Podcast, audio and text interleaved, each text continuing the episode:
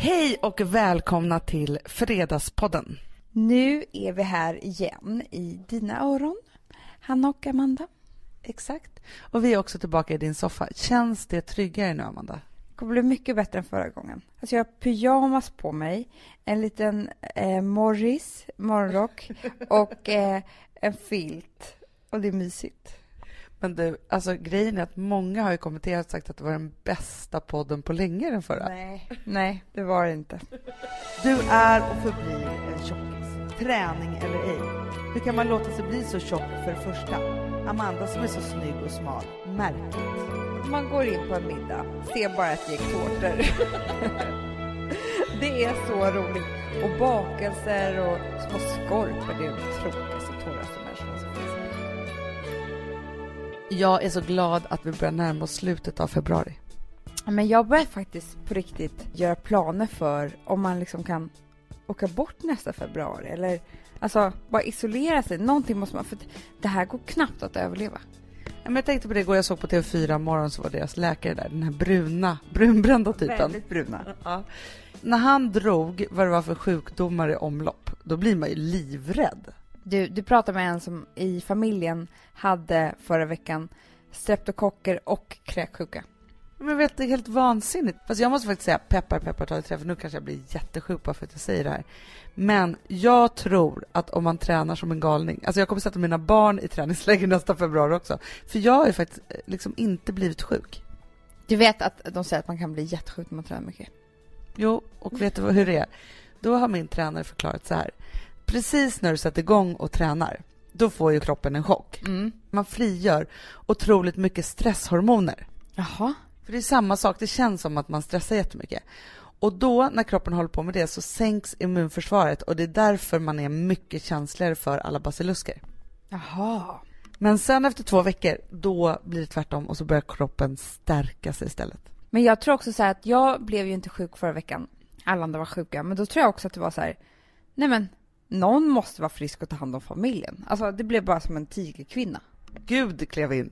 Ja men liksom det bara var så här, för det funkar ju inte att alla är sjuka med, med en liten bebis och bara, alltså jag tror bara så att min kropp bara, okej, var ni sjuka så tar jag hand om er. Fast i mitt psyke kände jag inte alls så. Då kände jag bara så här, kan ni bli friska för jag klarar inte av det här.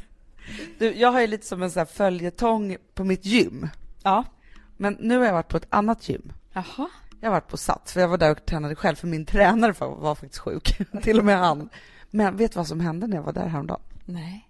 Jag gick runt där och jag var där liksom typ så här tisdag morgon, så det var liksom verkligen så här, inte så mycket folk där och så. Och så gick jag och tränade där, det var så här styrketräning och i ögonvrån så hade jag liksom ett par som jag spanade på. Alltså jag stirrar så mycket på folk på Sats. Ja men jag förstår precis. Men de var där och tränade som ett par och var så fruktansvärt nykära. De bara hånglade loss precis hela tiden. Ja, men man såg så här, han var så här otroligt snygg. Du hade blivit stormkär, Amanda. Nej. Ja, men han såg ut som han var med i en amerikansk collegefilm och var den här liksom blonda amerikansk fotbollkillen. Men sådana tycker inte jag om. Ja, men du tyckte det förut. Men du hade tyckt att han var söt. Och sen så var, hade han en tjej också som var också jättesnygg. Men då till exempel skulle de göra några så här pull-ups och då skulle hon liksom upp. Då tog han henne runt midjan, lyfte upp henne, pussade henne lite i nacken samtidigt. Lägg av! Det var som att jag var med i deras förspel.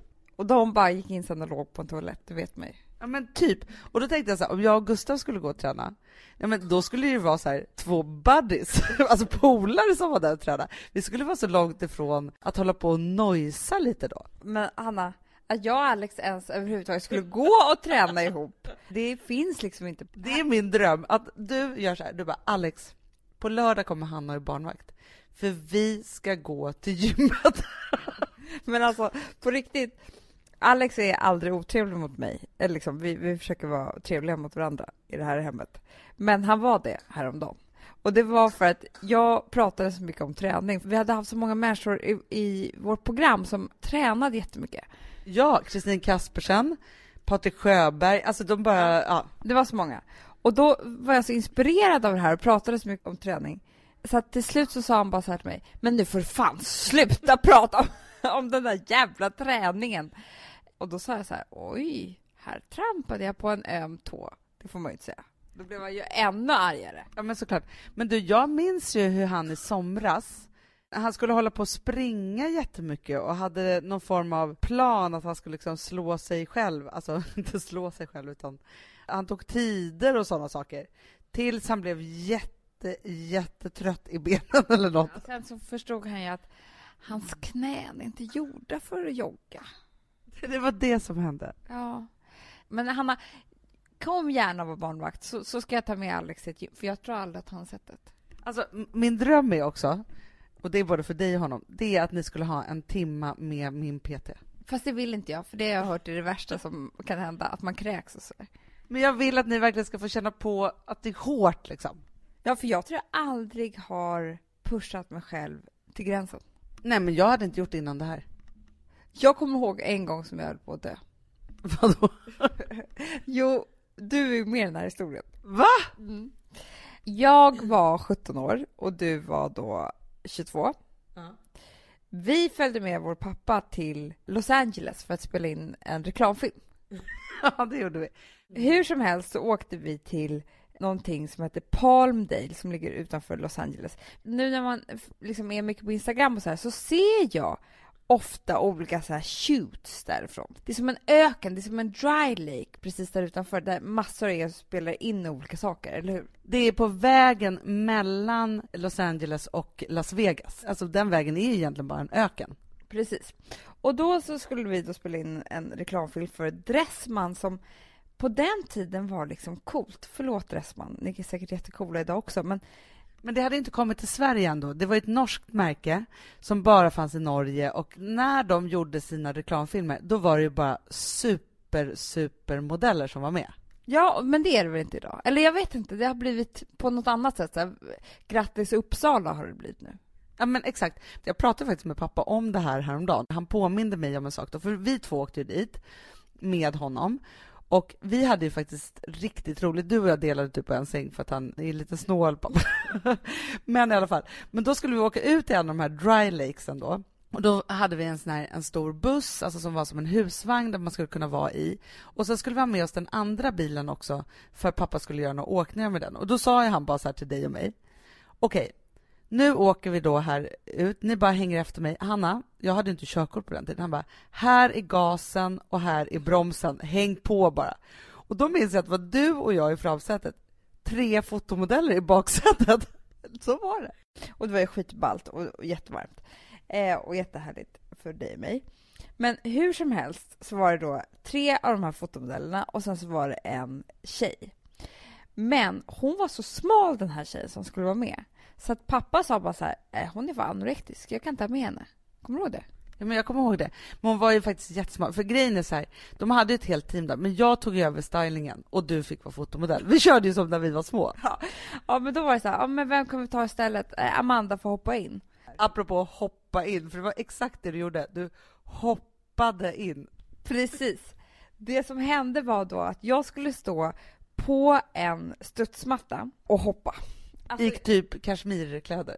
kashmir, han hade var ull. Alltså det var såna här otroliga polotröjor i liksom stickat. Jag fick verkligen känna på hur det är i toppmodell när de är så här, alltså du måste kunna ta kyla i bikini och värme i ull typ, för så var det för mig. eh, om det ska bli top model. Jag skulle då hoppa, jag du vet ju, jag kan ju aldrig tränat hela mitt liv. Hoppa så högt jag kunde på den här studsmattan. Om och om och om igen. I 45 graders värme i de här ullkläderna. Och jag kommer ihåg att jag kämpade på så mycket. Man gör ju det här bara liksom medan jag filmar. Så jag kände inte riktigt efter hur illa det var. Så att precis när vi var färdiga. han jag, jag, alltså, vet du att jag sa inte det till någon, men jag tänkte att nu dör jag. Jag omkommer här och nu på den här studsmattan. Jag låg och kippade efter luft och kände mitt hjärta som höll på att hoppa ut ur kroppen. Så där känns det varje träningspass jag är på. Det, men det är den enda gången jag känt det. Det var fruktansvärt. Jag vill inte vara med om det något mer. Fast vet du sak, man känner ju ändå att liksom det händer saker och ting med kroppen och man vet ju att nästa gång kommer man kunna göra ännu mer. Men känner du så som jag gjorde? Varje gång. Alltså igår, när vi, det sista vi skulle göra när jag var och tränade, då skulle vi göra det mest förnedrande, alltså det är så förnedrande. Då så ska jag springa det snabbaste som går och så håller han i mig. Gud vad obehagligt. Men och då hade jag gjort så mycket benövningar så att mina ben var som spagetti. Jag kunde inte springa. Alltså jag var arg på honom. Då var jag så släpp mig, låt mig vara. Nu orkar inte jag något mer.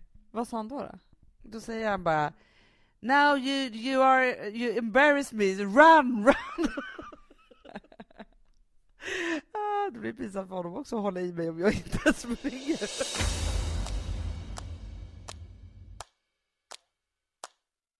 Sambla som vi sponsrade av är tillbaka. Ja, men det tycker jag är så kul. Vet du vad jag kände? Äntligen! För det här behöver man göra om och om igen och särskilt nu. För det är så här, Sambla är en personlig jämförelsetjänst för lån mm, mm. och jämför upp till 40 långivare. Och det är mm. så här, man kan inte göra det själv. Alltså ta den tiden och energi eh, och också kunskap att jämföra 40 långivare, Hanna. Nej. Det, det, det, det, det kan man nästan inte. Nej. Och i dagens klimat, just när det kommer till pengar och lån och sådana saker, så är det ju livsviktigt att man liksom hela tiden tittar efter de bästa förutsättningarna. Och Det här hjälper ju Samla dig med. Och De erbjuder mm. också personlig hjälp med låneansökan. Oavsett om du behöver hjälp en kort stund eller om du vill ha guidning genom hela låneprocessen så kan du vända dig till Samla och det tycker jag är så bra. Ja, alltså Sambla som vi sponsrade av har ju branschens nöjdaste kunder med fem stjärnor och 24 000 omdömen på Trustpilot. Eh, det säger ganska mycket tycker jag. Väldigt mycket. Så in och ansök på samla.se. Du Amanda, vi är sponsrade av Polarbröd. Ja, och deras underbara snackmacka. Ja. Alltså det är så mysigt. Polarbröd stödjer ju Friends i deras arbete att motverka mobbing och psykisk ohälsa. Därför har de skapat det här konceptet snackmacka. Man kan ju känna på barnen att det, så här, det kanske har hänt någonting i skolan och så vidare. Men hur man ska börja liksom få dem att öppna sig och berätta saker så att de inte går med saker som har hänt mm. länge, så är det viktigt att göra det här. Och då är det så att den här snackmackan den mm. liksom är till för att öppna upp samtal med barnen, hur de har i skolan och på fritiden och så vidare. Så man kan närma sig lite olika frågor. Ja, men jag tycker det är så bra eftersom att du vet ju hur läskigt det är. Bara, nu ska du och jag sitta och ha ett samtal. Det vill ju det... ingen. Nej. Men däremot äta en god smörgås och liksom mm. göra någonting samtidigt. Det är mycket, mycket bättre. Polarbröd har tagit fram tre roliga musikinbjudningar som man skickar då till sina barn, så att de kan, liksom, där man bjuder in då till en snackmacka. Mm. Så. så kan man göra den personlig och välja mm. musikstil som barnet gillar. Och Sen så är det också så att i låtarna så kan också liksom flertalet personnamn läggas in. Så att det ja, blir liksom ännu mer... Ja, det är så mysigt. Ja. Så att hörni, det här tycker jag är verkligen en bra idé. Eh, så ta vara på det här nu och gå in på polarbrod blir det då, mm. .se och läs mer om den viktiga snackmackan och så kan ni skicka en musikinbjudan. Så mysigt.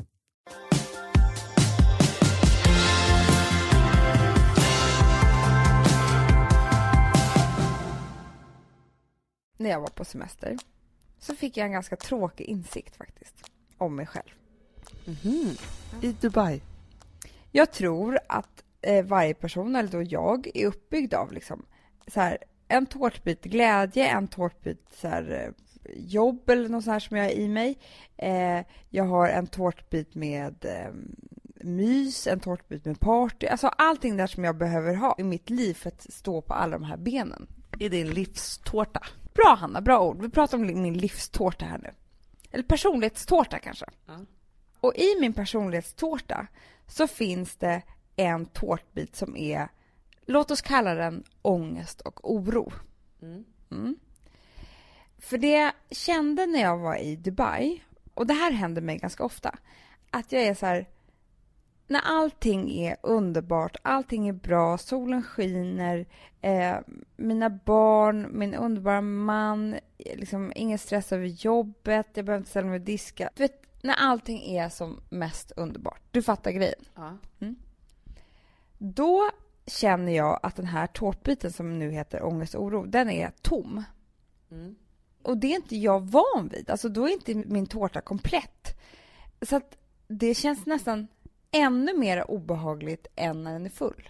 Att det är så här, ångesten har varit så närvarande så att det har blivit som en, en naturlig del i ditt liv. Det är en tårtbit i min, i min personlighet. Så att jag nästan letar upp lite saker så att den kan bli liksom fylld igen så att jag blir lugn. Skulle du inte kunna byta ut den och fylla den då med alltså välmående, nöjda liksom, som du befinner dig i just då? Ja, men jag, jag tror bara så här, man, man vänjer sig vid att, att vara på ett visst sätt. Och det är inte så att jag går omkring med ångest och oro jämt. Absolut inte. Det gör jag inte. Men jag är en sån person så att det är, liksom, det är närvarande att ha katastroftankar eller tänka på olika saker. Eller, alltså, det är nästan liksom som att det är som mina snuttefilter också. Alltså, det får mig att fungera på något sätt, att ha kontroll på läget. Att inte bara tänka glada tankar. Men är inte det för att du har jobbat så otroligt hårt i din terapi och alltihopa för att identifiera dig själv och av dig själv så finns det en del som är i det här. Och när den inte är där, då vet inte du riktigt vem du är. Ja, men jag tror det. Jag tror att alltså det som var en tråkiga upptäckten i det här var att jag kände så här, det här kanske är min personlighet. För att även fast jag har jobbat hårt i terapi och sådär så är det fortfarande så att den här tårtbiten fylls inte riktigt med något annat utan den kanske ska vara där. Eller så kanske man bara ska identifiera det istället, att nu är den tom och då får den vara tom. Det du gjorde just när du sa så här, när är du på semestern och inte, det finns inga problem och du är där med dina närmsta och käraste människor du har hela livet. Alla de här andra tårtbitarna som annars också finns där, om du skulle liksom sätta en skala på dem, för då är de höjda till 10. Mm. Men oro och ångesttårtbiten, mm. den kanske bara är nere på ett och ett halvt. Förstår du vad jag menar? Att nej, du skulle liksom gradera dina egna tårtbitar. Nej, men den var ju noll. Men mm. Då blir inte tårtbiten mindre för det, den blir bara tom. Mm. För det hade ju varit det allra bästa, att de andra bara tar över så att den tårtbiten liksom smalnar av. Men den smalnar inte av. Den har fortfarande lika stor plats fast den är tom. Mm. Och då blir det så här, vad händer nu? Och jag tror så här, det kanske bara är att jag är på väg att må så himla mycket bättre. Men det är obehagligt att den är tom för att det är en ny känsla. Ja men precis, det kanske är dags att istället för bara tömma den där, ta bort den ur ditt liv. Precis. Sen kanske den tränger sig in då och då och det kanske behövs en liten tårtbit där. Men det kanske är dags för dig i din hjärna och i din utveckling att inte säga att det så här, ja, det här har en plats i mitt liv. Ja. Jo, men det är sant. Men för att Hanna, om jag, om jag tänker så här på dig. En av dina tårtbitar är ju kontroll. Mm. Eller hur? Mm. Och jag kan tänka mig att du kan identifiera dig med det att om du skulle vara på en plats där du inte det finns ingenting att kontrollera över eller det finns liksom och så skulle den bli tom. Då skulle du behöva identifiera det. Ja men absolut. Alltså min kontrollgrej är ju att jag letar ju hela tiden saker och ting att ha kontroll över. Precis. Du mår nästan som bäst när det är väldigt mycket du måste kontrollera fast det får inte bli för mycket för då blir du stressad och får migrän. Alltså det är någonstans däremellan. Ja, jag är som ett typiskt så här, missbrukarbarn. Man brukar säga det att så här, när föräldrarna är nyktra och liksom håller upp och så, så är barnen jätteoroliga. Så fort första liksom fyllan slår till igen så vet barnen precis vad de ska göra, vilket gör att kaos är det som man tycker är trygghet och lugn är det som man är rädd för. För då är man hela tiden orolig för att det ska komma tillbaka. Men det är kanske är det som är min tårtbit, Hanna. Att det är nästan tryggare att ha den där att det är så kaos för att man känner igen det. Ja, men då vet ju du hur du ska agera. Då ska du komma till kärnan, hitta det där, hålla på och liksom... Så här, då har du ju ett råd i hjärnan att hålla på med för att lokalisera din ångest och se var den kanaliseras ut och ja. hur du ska behandla den. Ja, det är ju ett jättearbete som håller mig uppe. Liksom. Och sen så när den bara är lyckad, det är som om någon drar undan mattan under mina fötter. För det är så här, vad ska jag göra nu av all den här tiden? Ja, och det är som för mig. Så här. Jag är ju expert på att lösa superkaosiga situationer på jobbet till exempel. Ja. I mina alla mina arbetsroller så tar jag extremt mycket ansvar för att jag vill ju kontrollera allt. Jag vill vara med på vartenda möte, jag vill ha liksom koll alla de här sakerna. För jag mår väldigt bra av det. Det är det som jag vet hur man gör. Men om jag hamnar i en situation där jag inte behöver kontrollera eller inte kan kontrollera, det är då jag mår väldigt dåligt. Kan du komma på någon sån situation? Alltså... När jag inte behöver kontrollera något. Som i morse till exempel så var det väldigt stökigt hemma. Ja, och så vet jag att alltså jag kommer inte hinna städa idag. Det kommer vara så här. Då håller jag ju på att kontrollera i min hjärna hur jag ska, ska kunna stå ut med stöket och hur det ska städas. Alltså, det upptar väldigt mycket av min tid att kontrollera hur det ska bli fint hemma hos oss. Ja, men för det, så där kan jag också hålla på med. Att jag tänker så här, jag kan, det kan uppta mig tid att jag ska göra ordning i vårt linneskåp. Jag gör det aldrig. Eh, men det är ganska mysigt att hålla på och tänka på. Liksom. Ska jag ha handdukarna på en hylla, lakanen på en andra? Och sen precis innan jag ska gå och göra det så händer någonting annat med barnen och så gör jag det inte för jag har inte den liksom, tiden. Men det där finns ständigt närvarande och jag tror att det är någon så, så här, lite mysig snuttefilt på något sätt. Ja, men jag har ju en, alltså en exakt sån snuttefilt. Varje kväll när jag ska sova, när jag håller på med Instagram och jag håller på och liksom, så jag varvar ner hjärnan på att titta på saker, läser saker och så här. Då hamnar jag i, för att jag ska liksom kunna liksom sluta mina tankar i någonting som är bra för mig, för att jag ska kunna somna, då handlar det alltid om hur vi ska organisera vårt hem till det bättre. Ja, och vet du vad jag tänker på?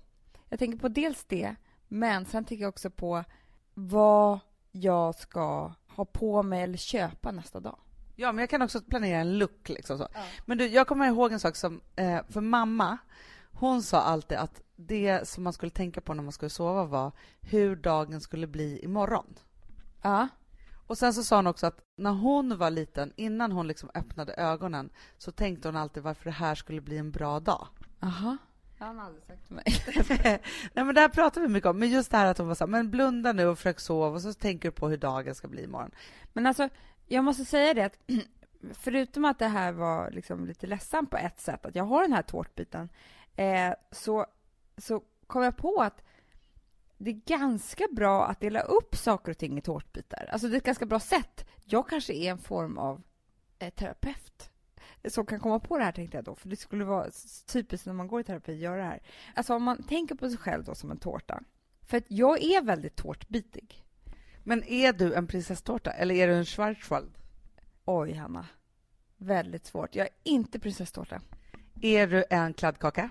Nej, samma konsistens. Jag är, alltså, det här låter ju töntigt att säga om sig själv, men jag är en med många lager. Ja, jag förstår det. Ja, men det är därför jag tänker, det är typiskt sådana här saker när man går till exempel i gestaltterapi. Då är det sådana här saker som man pratar om, att du beskriver din tårta.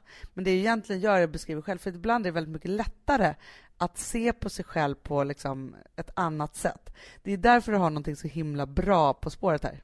Ja, men det är faktiskt så. Och då, för det som är också är, är att eh, man, om, om man bara så här sätter sig ner och skriver ner så här, men det här är mina tårtbitar. Och då tycker jag att det kan vara allt ifrån jag behöver så här mycket mys, soffhäng för att må bra. Jag behöver så här mycket eh, romantik och vin och vad det nu kan vara. Och så kan man titta på den här, om man skulle göra ett bra jobb, säg, med den här. Eh, då skulle man kunna titta på den här varje vecka och vara väldigt noggrann med att allt har kommit med.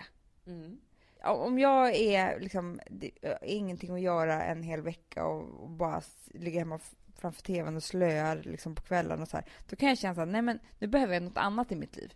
Jag behöver liksom sitta ner och prata om riktiga saker och njuta, dricka vin eller du vet så här. Eller tvärtom, det blir för mycket av det ena eller andra eller för mycket jobb eller för mycket le alltså för mycket allting det där.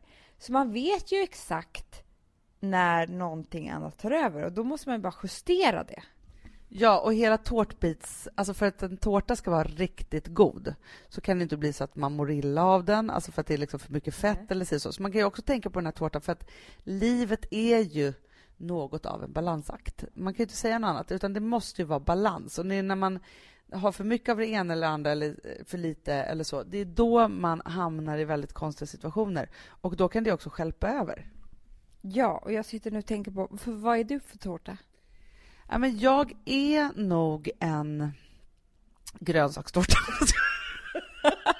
Du är raw food. Nej, men jag är nog... Alltså, grejen är så att nu älskar jag ju prinsesstårta, så jag tror att jag är prinsesstårtan. Det, det, är lite för mycket grädde.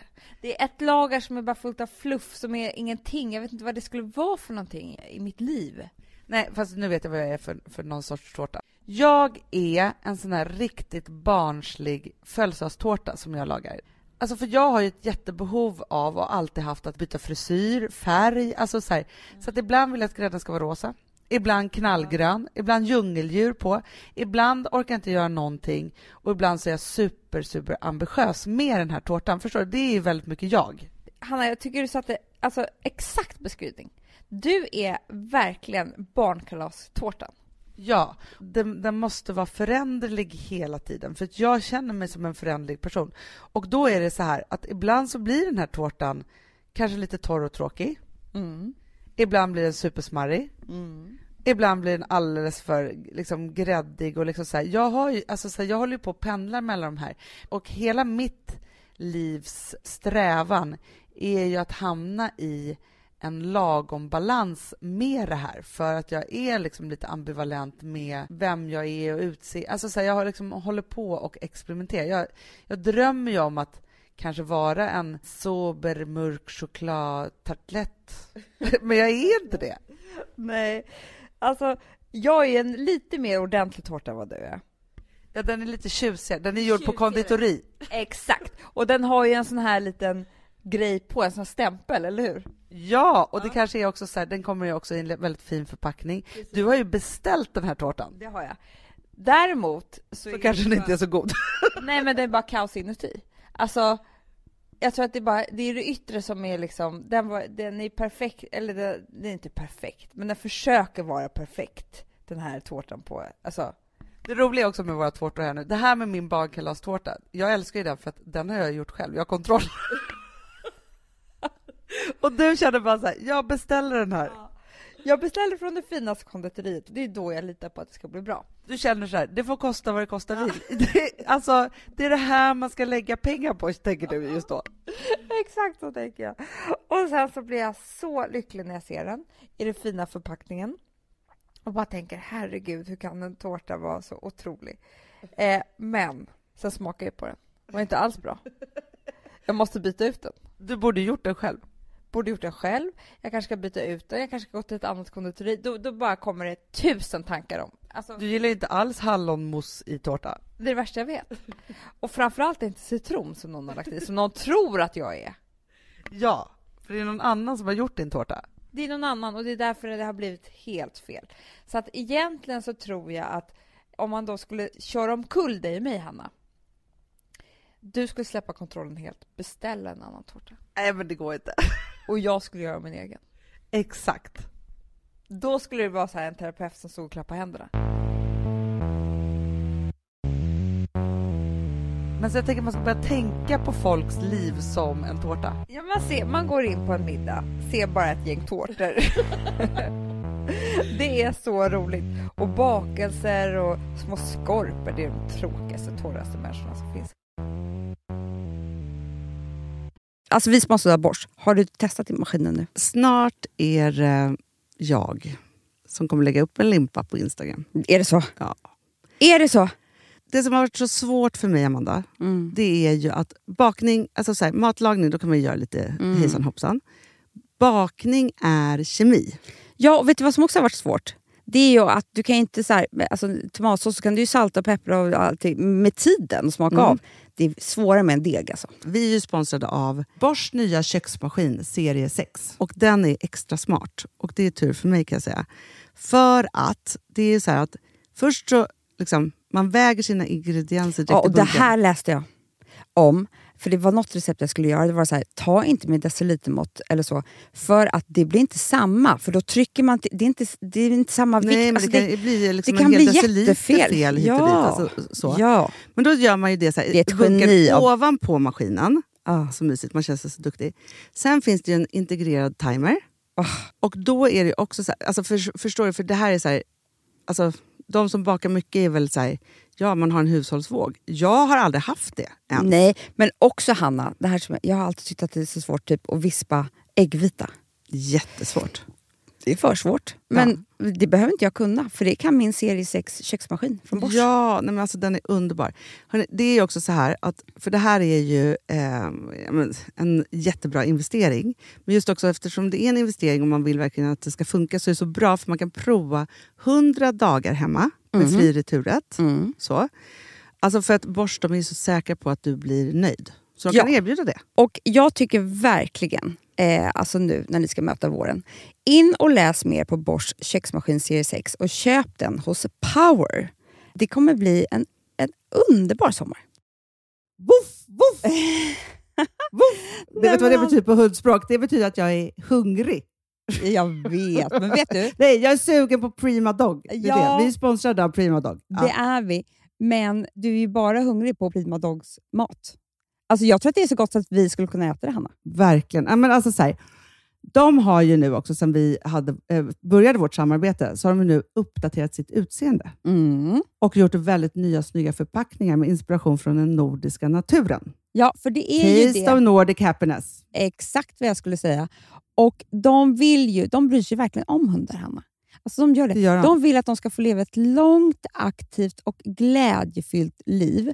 Och Därför har de skapat de här produkterna som är väldigt snälla för magen. Och Det, alltså, det måste man tänka på med små woofsisarna. De vill vara bekymmersfria. De vill inte ha ont någonstans. Nej, men det blir också så att hundägarna blir också bekymmersfria. För annars kan man ju vara så här, "Ha, behöver du gå ut nu eller inte? Har du ont i magen? Alltså, hundar kan ju Också inte på prata. mina mattor blir bekymmersfria. Ja, det är så bra. Om man nu ska Nej, här, prata om för, sånt. För, för hundmaten från Prima Dog, de innehåller ju alltid mycket kött och är alltid fritt från vete. Mm. Och Det finns ju också spannmålsfria alternativ om hunden har extra känslig mage. Ja, alltså hörni, ni måste, eller ni testar, er hund måste få testa det här.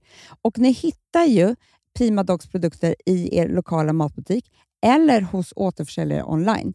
Ni kan gå in och läsa mer på primadog.se. Taste of Nordic happiness.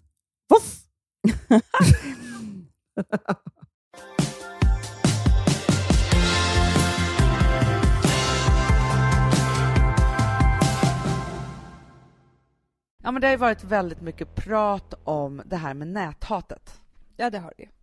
Och så kommer ju den här superviktiga dokumentären som heter Män som näthatar kvinnor. Mm.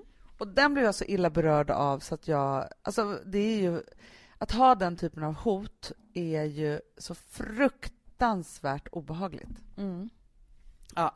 Och då så känner man ju så här att uh, vad det är obehagligt att det finns människor som håller på och hatar och går över gränsen och bara tycker att de kan hålla på liksom, på det sättet. Och sen ska man gå då till sitt egna lilla nät, eh, så, där man också just stöter på det. Nu är det inte så att peppar peppar tar trä, men att varken du eller jag har några liksom, den typen av män som skriver så elaka saker. Men det jag är... hade ju det en gång, som till och med folk, alltså män skrev sms till mig. Nej. Jo. Eh, med hot och så vidare. Eh, om när jag skrev om att eh, jag skrev illa om män. Och då fick jag alla de här. Så att, och jag blev faktiskt jätterädd. Blev jag. Men det förstår jag.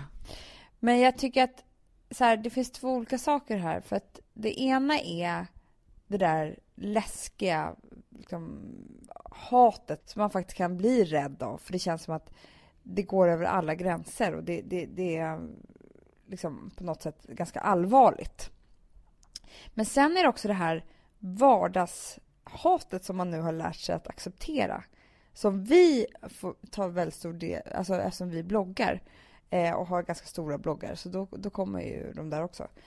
Det gör en ju inte rädd, men däremot så gör en ju... Alltså det gör ju att man blir en lite mer ledsen person överlag, tror jag. Ja men verkligen, för jag är en ganska ny bloggare och jag hade ju alltså förmånen att ha helt ljuvliga läsare som skrev liksom jättesnälla saker. Nu har min blogg också vuxit lite på senaste tiden, vilket man ju å ena sidan blir jätteglad för, men då kommer också jättemycket liksom negativt. Och jag måste säga det till alla som lyssnar och kanske följer våra bloggar och så att alla era superfina kommentarer, ja, men de är helt fantastiska. Alltså jag, jag gråter ibland för att jag blir så glad över det. Och så får man liksom ett flöde av det där fantastiska. Men den där lilla elaka kommentaren som är där mittemellan de här fantastiska, den ligger kvar och gnager på ett helt sjukt sätt. Och jag hatar verkligen att det är så, att de dåliga sakerna får ta så himla mycket plats. Ja, men man måste ju vara en stålmänniska för att inte bli berörd av... Och så här, ibland är det ju jätte, jätte, alltså helt sjuka kommentarer som nästan är så sjuka som man faktiskt kan så här, lägga dem åt sidan. Sen finns det de här kommentarerna som är elaka på ett lite mer intelligent vis. Som verkligen vet vad de ska trycka till någonstans. Då blir man verkligen ledsen och berörd. Och sen vet jag att ni som läser bloggarna kan undra så här, men, vad tycker du om det här? Bryr du dig inte? Liksom, för att jag gör aldrig någon grej av det. Men jag vill inte ha ännu mer hat i mitt liv, att gå in och hålla på och bråka om det här. Det, det, liksom, det går inte. Då skulle jag uppfylla många, många timmar av det här varje dag. Men jag fick en, en, en kommentar häromdagen som var typiskt en sån som jag blev så himla... Nu har jag faktiskt valt att ta bort den från min, mitt kommentarsfält. Men som ni vet så håller jag på och tränar och jag kämpar som tusan och liksom så. Och jag har liksom en bild av hur jag vill se ut och hur jag vill bli, men framförallt så har det liksom mycket med välmående att göra. Och så hade jag lagt ut en bild på mig själv, alltså en helt vanlig dagens kläder. Den hade ingenting med träning, jag bad inte om att få någon form av åsikt överhuvudtaget, utan mer så här, ja, här är dagens kläder jag har på mig idag när vi har inspelning, bli inspirerad eller ej. Jag hade också en tröja på mig som jag hade liksom fått väldigt mycket frågor om för att jag hade den i Nyhetsmorgon. Och så får jag då en massa fina kommentarer, men helt plötsligt så dyker upp någon liten debatt om huruvida jag är snygg i det här eller inte. Usch. Mm. Ja, och så kommer det då så att jag borde ha mer figurnära kläder, jag borde ha si och så, att den där inte gjorde si och så. Ja, och det, att man har en annan åsikt, det är helt okej. Okay, liksom så. Även om det är så här, det är inte så trevligt att bli tyckt om på det sättet. Nej, verkligen inte. Ja. Men bland de här då, eh, kommentarerna så är det helt plötsligt då en Eva Persson som har skrivit. Och då undrar man ju lite liksom hur hon tänker. Då skriver hon så här, för att de andra då, eller det var kommentarer då om eh, om det här var rätt tröja för mig eller inte. Och då skriver hon så här, håller med. Du är och förblir en tjockis, träning eller ej. Hur kan man låta sig bli så tjock för det första? Amanda som är så snygg och smal, märkligt.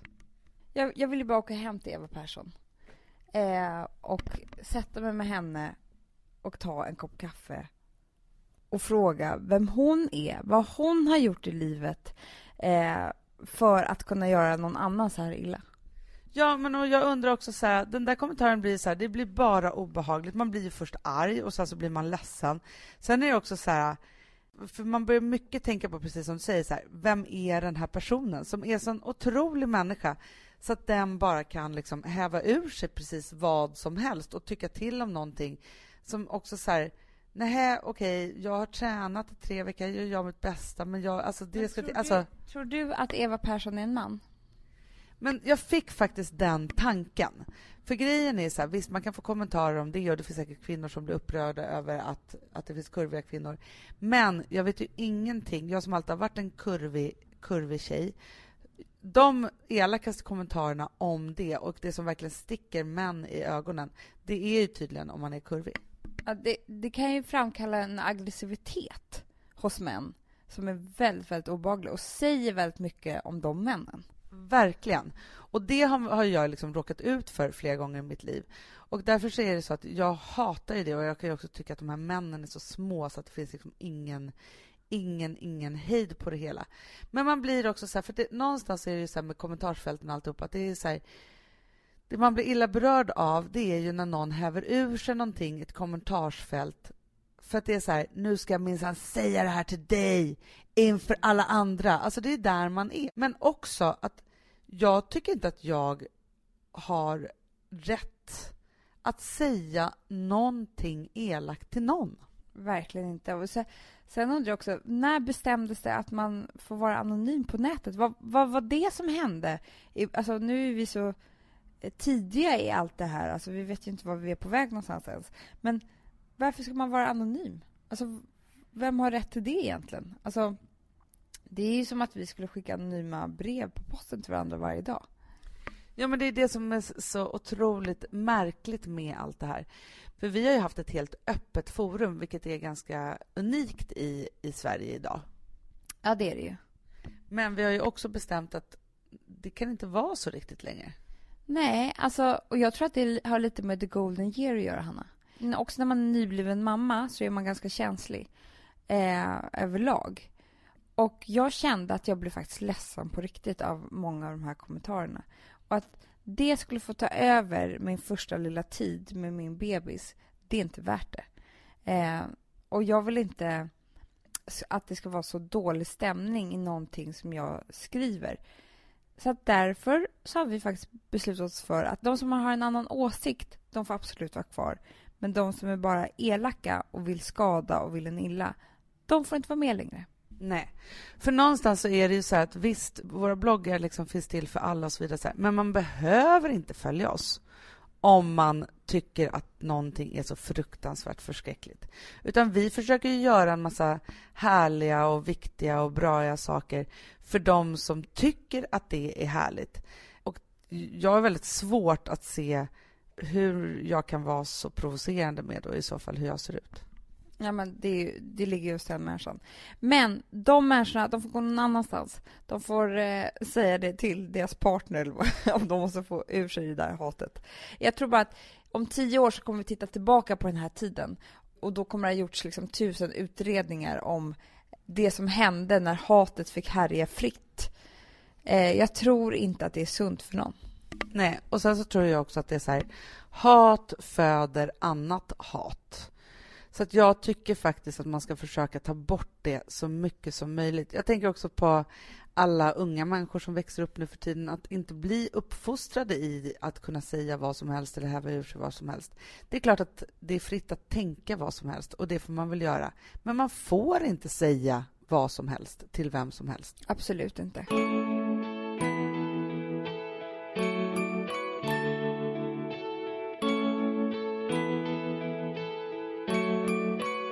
Jag har ju i mitt liv blivit så fruktansvärt kär ibland. Jag också. Alltså, så här, vid, alltså vid ett ögonkast. Ja, ja, men Hanna, jag blev ju sådär kär i Leonardo DiCaprio när jag såg honom på film. På riktigt, så kär kan jag bli. Ja, och jag tänker att det, är så här, det där måste ju varit en omognad i mig. Nej, Förstår du? Nej, men att det är så här, alltså, jag kunde ju se till exempel, jag kommer ihåg en gång, när, alltså, vi pratar om att jag kanske är 12-13 år nu, så är jag på Gotlandsbåten. Alltså, jag ser en kille, en militär, ja, men som kanske är 18. Alltså, jag känner bara så här, vi typ liksom byter lite blickar och det är liksom så här på den där Gotlandsbåten. 12 år gammal? Nej, men typ 13. Men Amanda, du var med om det här. Lyssna nu, du kommer komma ihåg det här. Eh, nej, men kanske var 13 då. Ja. ja. Jag känner bara att om han går av den här Gotlandsbåten och jag aldrig mer får se honom, nej, men då är mitt liv förbi. Så att jag skriver en lapp och du får gå fram och ge den till honom. Kommer inte du ihåg det här? Jo, jag tror jag kommer ihåg det, men jag tror att du var äldre, för jag var inte åtta.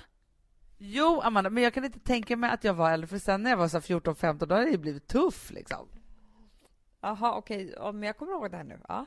Men jag bara minns mina egna känslor som att det var så oerhört dramatiskt och att livet skulle liksom vara helt förbi om det skulle vara så att vi aldrig mer skulle prata med varandra. I vilket fall så lämnade du en lapp och sen så, så ringde han ju faktiskt mig. Sen minns jag hur han liksom kom från någon, alltså jag kommer inte ihåg, men han, han kom med pendeltåget till Södra station och vi satt där inne i rummet och jag ångrade mig hela tiden. För det var inte alls samma kille som jag hade liksom sett på den här båten liksom. Så nu kommer jag ihåg allting. Du och mamma och min gamla kompis Nina satt ju i köket och bara väntade. Men alltså, jag känner igen det här, för om man tittar på mina gamla dagböcker. Jag har varit så kär i mitt liv, Hanna. Jag har varit så kär, så kär, så kär. Och det började med att Alltså, du vet, en kille vill jag så ringa och be om ursäkt till, känner jag. För att det var ett gäng som var på Gotland på sommaren. Hanna, då gick jag kanske sexan. Jag var som du, 12 år gammal och fick vara med där en kväll.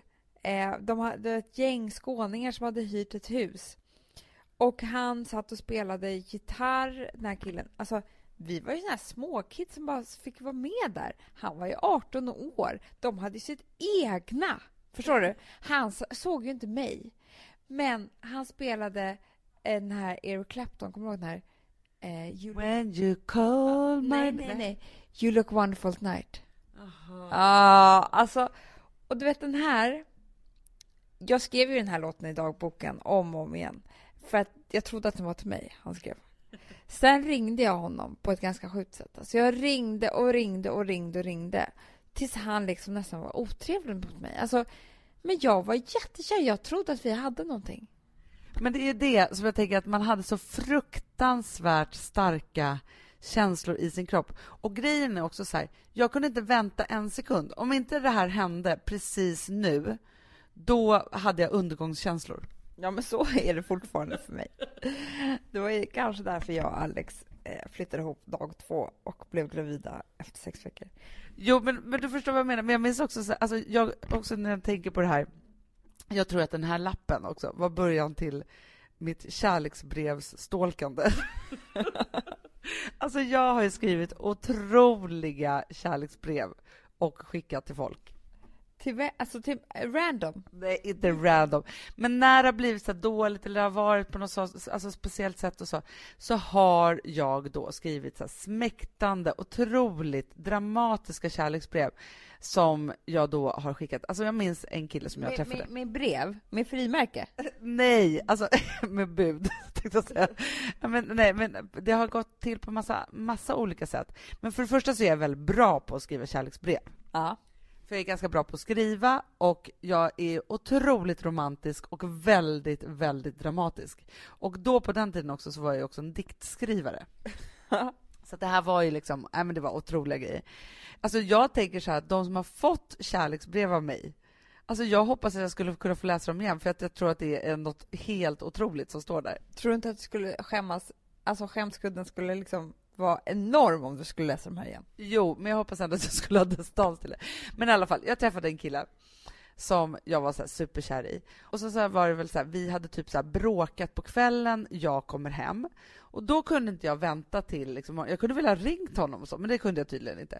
Sätter mig då hemma, nu pratar vi om att jag är 20 kanske. Nej, men, 20, nej jag träffade inte honom förrän jag var 23, jag var 24, nu är det skämskuddar. Ja, i alla fall. Jag skriver då ett otroligt kärleksbrev till honom för, som bara är så här hjärta och smärta och hit och dit och bla bla bla. Så här. Han bor på helt andra sidan stan i liksom en förort, ganska långt bort. Så jag ringer till en kille som jag jobbar tillsammans med, så en underbar människa som vi kallar för Mange Magnet. Jag tror att han fortfarande kallas för det. Han, den snälla människan, kommer hem till mig med sin bil. Vi sätter oss i bilen, åker till den här förorten. Han får gå upp och lägga det i brevlådan. Men gud, Mitt i natten. det är en galen person det här.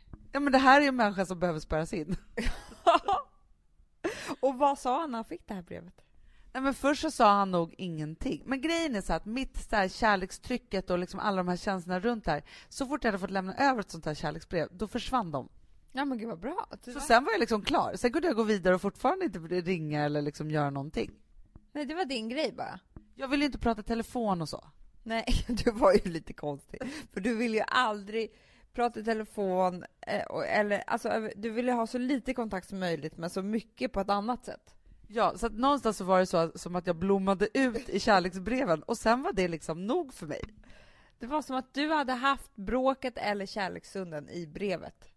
Exakt. Och just jag och den här killen, vi, vi tillbringade ju flera år med att bara hålla på och bråka. Skicka kärleksbrev. Han skickade aldrig något tillbaka, men jag undrar om han har kvar de där kärleksbreven ändå. Men det här var en sån dramatisk relation, men ändå så är det ju något otroligt sjukt i, för det är lite som med den här killen på båten. Alltså så här, det handlade ju inte om sen att vi skulle ses i verkliga livet. Jag tyckte bara att det var jätte, jättejobbigt. Men att jag fick överlämna den här lappen, att det, var liksom att det fanns en fortsättning, att jag kunde kontrollera det här. Då var jag ändå nöjd. Fast det är en grej som jag förstår som jag också har gjort ibland när man har skrivit de här mejlen eller sådär i, i kärleksbråk. Det är att man känner sig väldigt nöjd när man har fått säga sitt. Ingen har kunnat säga tillbaka. Det står på print och det är så här, då kan man faktiskt gå vidare. Jag tycker att det är ändå att det är en bra grej. Ja, men det är ju det. Och jag önskar verkligen att man skrev kärleksbrev lite oftare. Nu är man ju typ aldrig ifrån den som man älskar på riktigt. Nej. Men jag hittade faktiskt ett, ett gammalt kärleksbrev som jag hade skrivit mer som en dagboksanteckning som jag hade skrivit till Gustav precis när vi hade träffats. Jaha, spännande. Ja, och det tänkte jag faktiskt kanske att, men att jag kanske ska skriva klart det och att han ska få det. Gud, vilken bra idé. Så slipper vi någon som vill prata med varandra. jag skojar bara.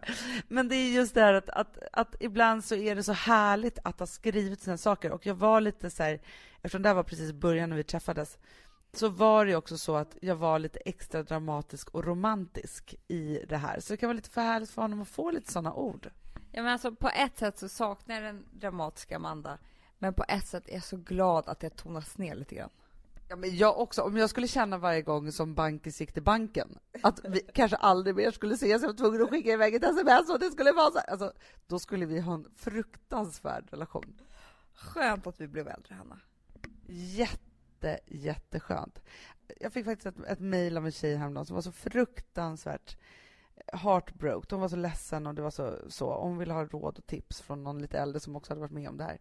Och då kände jag bara så här att, och nu vill inte jag förringa hennes ledsamhet överhuvudtaget, men det enda jag kan säga om det där när man är så där ledsen i så där unga år, att man kommer aldrig bli så där ledsen på det sättet någonsin igen. Även om det händer helt fruktansvärda saker. Jätteskönt. Är du med mig där? Men jag är helt med dig. Och du, jag måste bara säga en sak. Jag har bokat tid för cellprov. Bra, Amanda! Jag vet.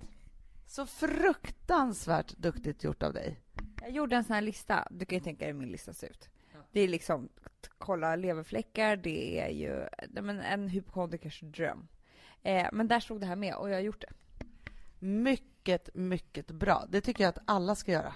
Mm, verkligen.